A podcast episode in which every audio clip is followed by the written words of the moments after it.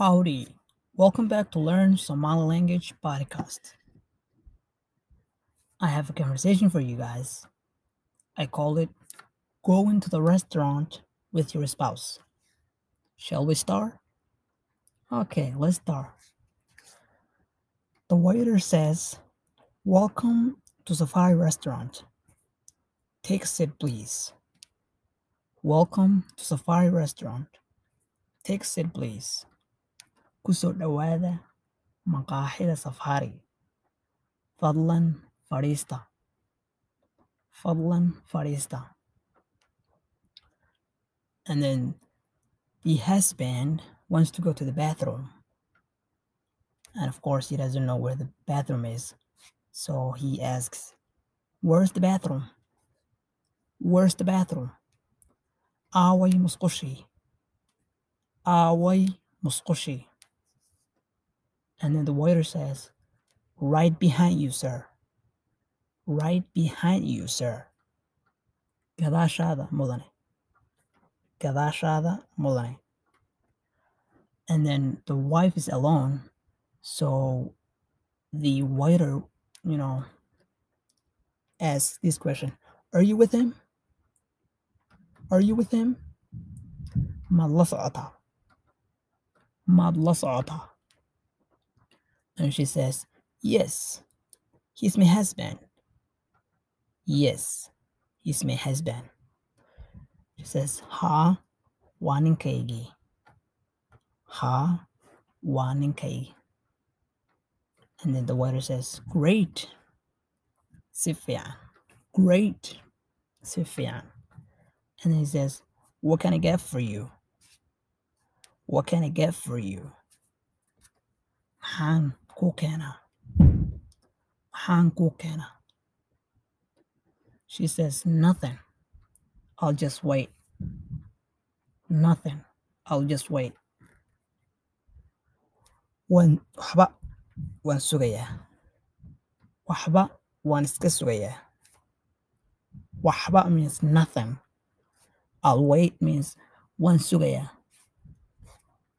The waiter says, Okay. Okay. He says, Haye. Haye. And then her husband comes back and he says, Where is the waiter? Where's the waiter? Aaway mudalabkii. Aaway mudalabkii. And the waiter hears that and he says, Here I am. Here I am. What, what can I get you? What can I get for you, sir? What can I get for you, sir? Waa ika. Maxaan kuu keenaa mudane? Maxaan kuu keenaa mudane? What can I get for you, sir? Maxaan kuu keenaa mudane? And then the husband says, What do you have? What do you have? What do you guys have? What do you guys have for dinner or for lunch or whatever? What do you have? Maxaad haysaan? Maxaad haysaan? If you're if you're gonna make it plural, if you're just talking to one person, maxaad haysaa? Let- Let's make it plural here. Maxaad haysaan? The waiter says, We have rice, spaghetti, and meat. We have rice, spaghetti, and meat. He says, Waxaan haynaa bariis, baasto, iyo hilib. Bariis, rice, spaghetti, baasto, meat, hilib. And then the husband says, No can bariis hilib. No can bariis hilib he says, Bring rice with meat. Bring rice with meat. Bring rice with meat. No can bariis hilib leh. And then the wife, and then as he was going back, you know, the waiter was going back to get that food. You know, the wife is like, "N- wait, wait, wait, wait, wait a minute. You're just gonna order without asking me? Wait, wait, wait, wait. You just gonna order without asking me? She says, Suk suk suk suk. Miyaad iska dalbanaysaa adoon i weydiinin? Miyaad iska dalbanaysaa adoon i weydiinin? Wait, wait, wait. You just you you just gonna order without asking me? And then the husband says, Sorry about that, honey. Sorry about that, honey. He says, Waan ka xumahay, qaali. Waan ka xumahay, qaali. And then the waiter says, What can I get for you, ma'am? Or madam? What can I get for you, ma'am? Madam? Maxaan kuu keenaa marwo? Maxaan kuu keenaa marwo? She says, Bring me exactly what my husband ordered. Bring me bring me exactly what my husband ordered. Ii keen wuxuu dalbaday ninkaygu. Ii keen wuxuu dalbaday ninkaygu. And the husband was shocked. He's like, Honey, what is wrong with you? What is wrong with you? Qaali, maxaa kaa? And the wife says, Nothing. I just want to talk. Nothing. I just want to talk. She says, Waxba. Waxaan rabay uun inaan hadlo. Waxaan rabay uun inaan hadlo. And then the waiter, as he was going back, he says, he says to the husband, Man, you got the best wife. Or you got nice wife. Niyahow, waxaad haysataa xaas fiican. Man, you have the best wife. Man, you have the best wife. Niyahow, waxaad haysataa xaas fiican. And then the husband is just like, he does wanna, he does not wanna hear, he doesn't wanna talk to the, into the waiter, you know, anymore. He's just like, just bring the food.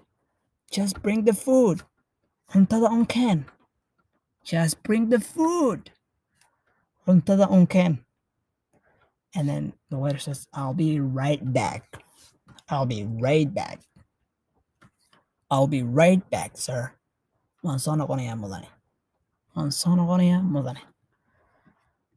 Um, there are things that I want to share with you guys here. Uh, in English, when you see something, um, let's say you see a car, you know, you know, a black car or red car. Most of the time, you you are gonna you're you're gonna say the color of the car and then say the car. What I mean by that is like you you guys describe first. In english you describe first and then you say and then you mention or say what you describe. For example I, I saw a black car. You say you you first you describe what you saw. You saw a black car.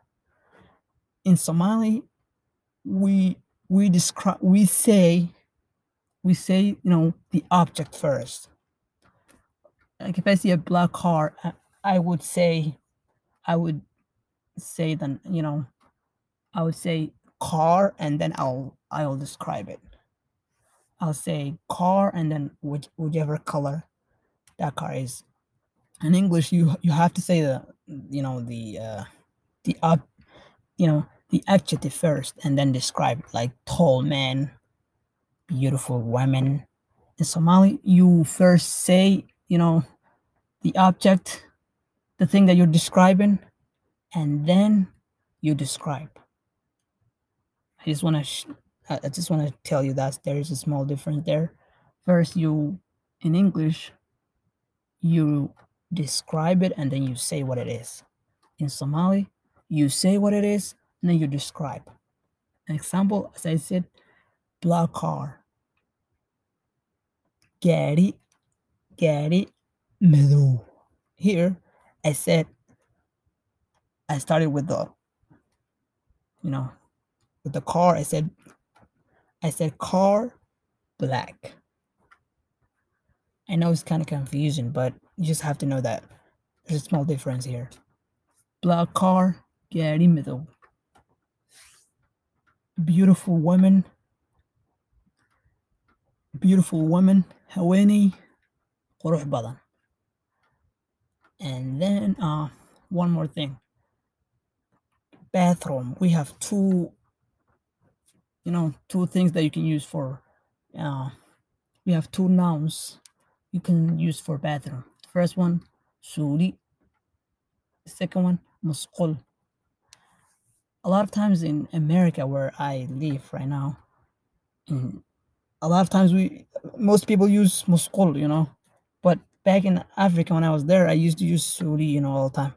And um right now i, I think um musqul is is like very popular within the western countries. But when i was in my home country i used to use suri. And um so you can you can use you can use it interchangeably musqul or suri bathroom.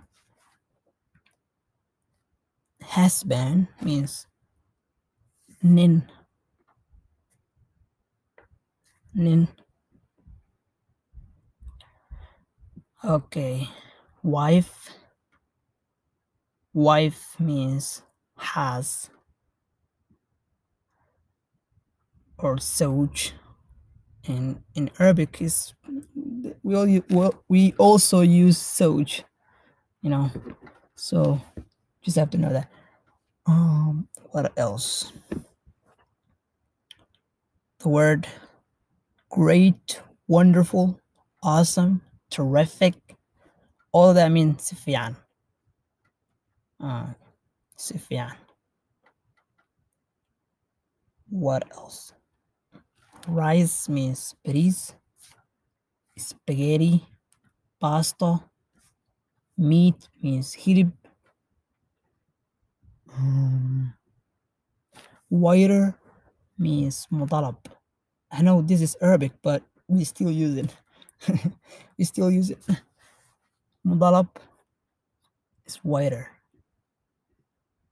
Customer, ma'amil. Customer. Amen. What else? Sir. Sir means modane. Ma'am or madam means medal. Um, nothing, wahba. White means sug or ukadi.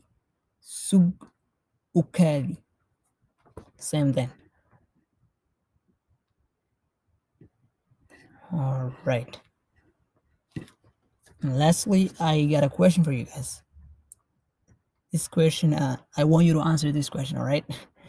If you are waiting for the waiter are you the waiter? I'm going to repeat the question. If you are waiting for the waiter are you the waiter all right that's all i got and have a wonderful day